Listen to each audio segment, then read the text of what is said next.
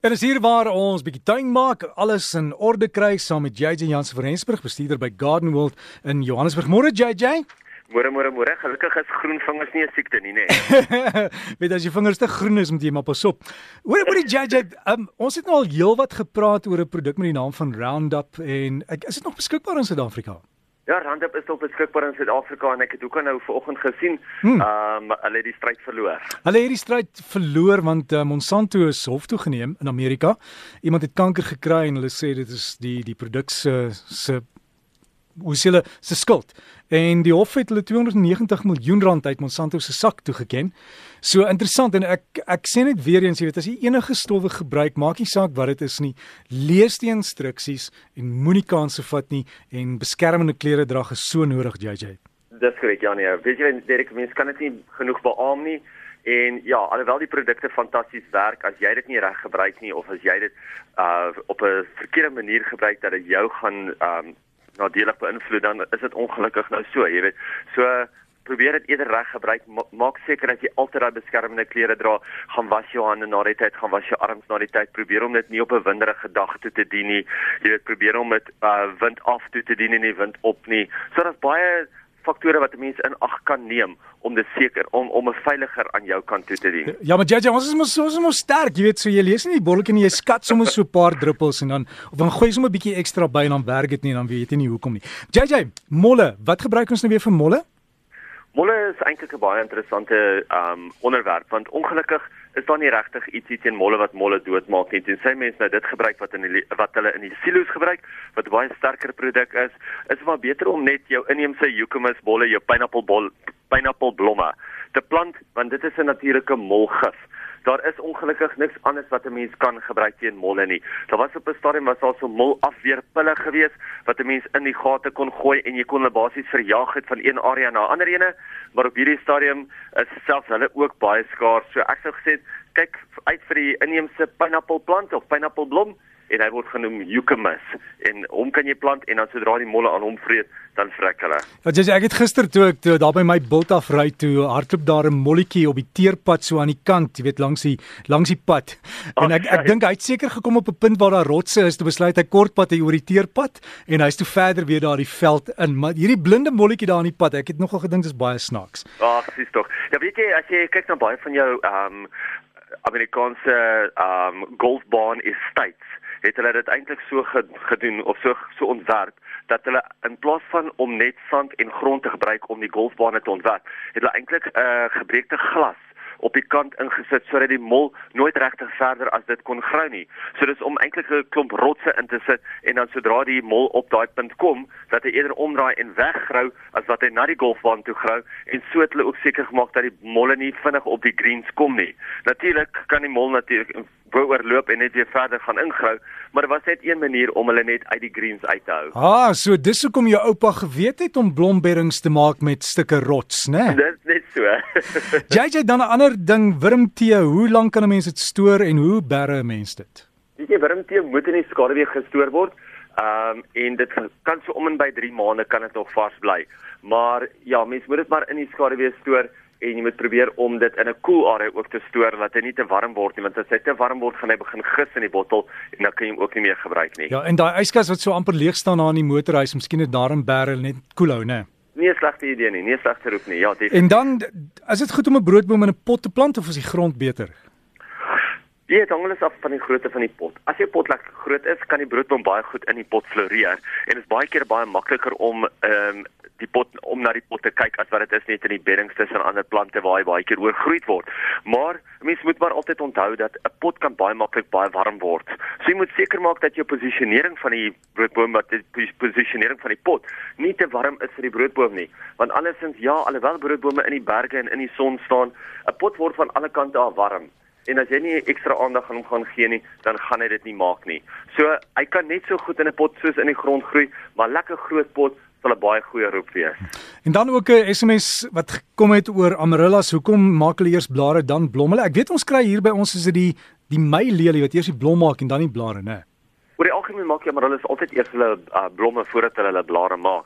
Nou as daar nie genoeg voeding in die um plant self was toe hy die blomme moes vorm nie, dan sal hy eers die blare vorm voordat hy die blomme gaan vorm. So ja nee, mense moet dan maar net daarmee ehm um, saamlewe en hom net meer voer en dan behoort hy vir jou altyd meer blomme te maak as wat hy blare maak of eerste blomme te maak voordat hy blare maak. Party mense moet hom aanhou voer totdat hy blare weggevrek het, want dit is dan wanneer hy al klaar sy blomoogies ontwikkel en ehm um, wat hy dan klaar daai blomme begin stoot. Al het die blare teruggevrek, al is hy dormant, begin hy al klaar aan sy blom te werk. Wel sê dis my lysie, wat's op jou lys? Dat ek eintlik baie bly jy het gepraat van die broodbome, want toevallig het ons hierdie jaar en dit is nou maar ietsie waaroor ons kan spog, het ons hierdie jaar vir die tweede keer 'n broodboom Die 11de internasionale broodboomkonferensie op broodboombiologie word hierdie jaar in Suid-Afrika aangebied sommer volgende week die 19de tot die 24ste Augustus in Witrifuur. So as mense nog belangstel om deel te wees van hierdie konferensie, is hulle welkom om my te kontak. Hulle kan vir my e-pos stuur en dan stuur ek vir hulle al die besonderhede deur na hulle toe. Dan Dirk, ek kry dit nou baie dat mense vir my sê, "JJ, ek het ek, um, ek het azaleas by my en my azaleas wil nie blom nie of hulle lyk asof hulle 'n bietjie sleg lyk." Hoe kan ek hulle kry dat hulle blom? Nou jy onthou jou azaleas en jou japonikas hou altyd van suurgrond.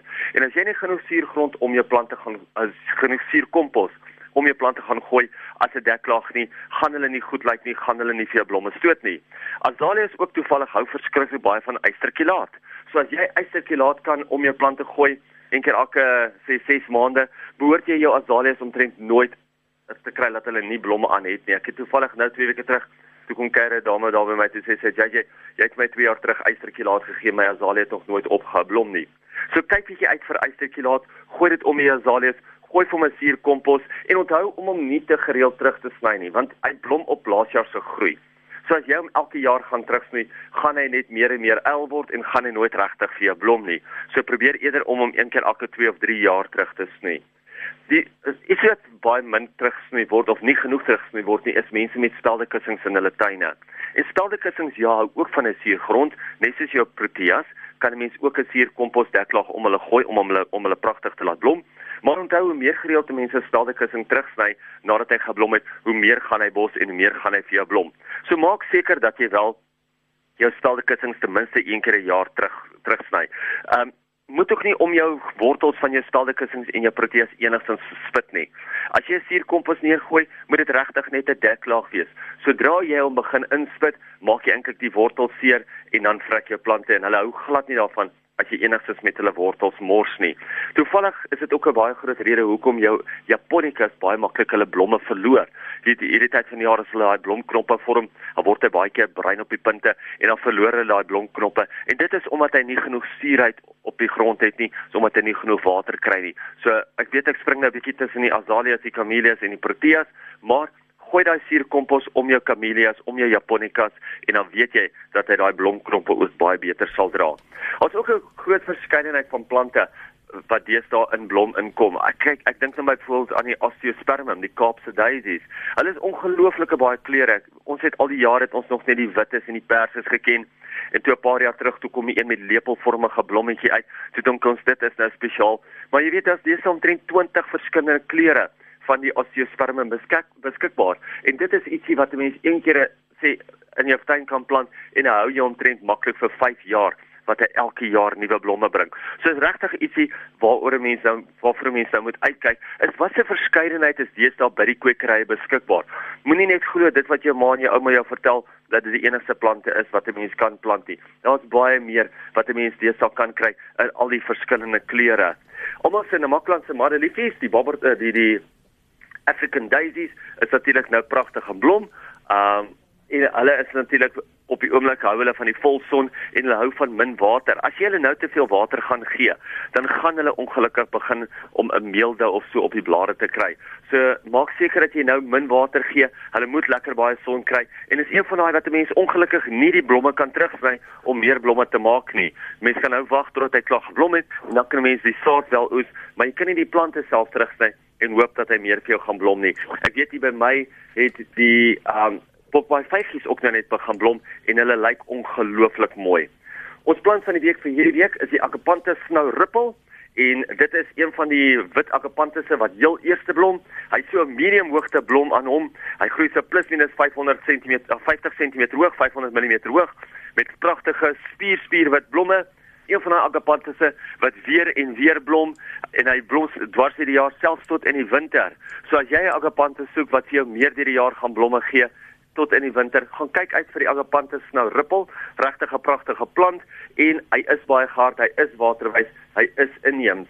Direk mense vra altyd my, "Jy, waar kan ek die produkte kry wat jy heeltyd adverteer?" Want baie van die mense is op hierdie afgeleë dorpies, plattelandse dorpies en hulle kry dit nie altyd nie.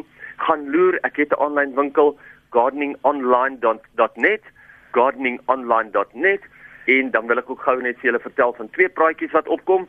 Die eerste een is natuurlik deur Sandy Roberts en sy gaan by ons wees die 24 die 25ste Augustus en dit gaan wees oor hoe om jou jonk te hou. Sandy Roberts, Margaret Roberts se dogter wat natuurlik mos die krye kenner is en volgende naweekie by ons het ons vir John Ngena. Hy doen 'n vetplantwerk vetplantwerkswinkel. Almal wil mos dit is besig vetplante plant om meer waterwys te wees en dis die 18 Augustus.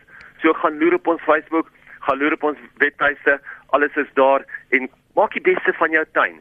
Dis nou jou geleentheid om al daai kennis bymekaar te maak sodat jy eintlik die beste van jou tuin kan maak. So gesels JJ Jansen van Rensburg en sy e-pos is jj by gardenworld.co.za. jj by gardenworld.co.za.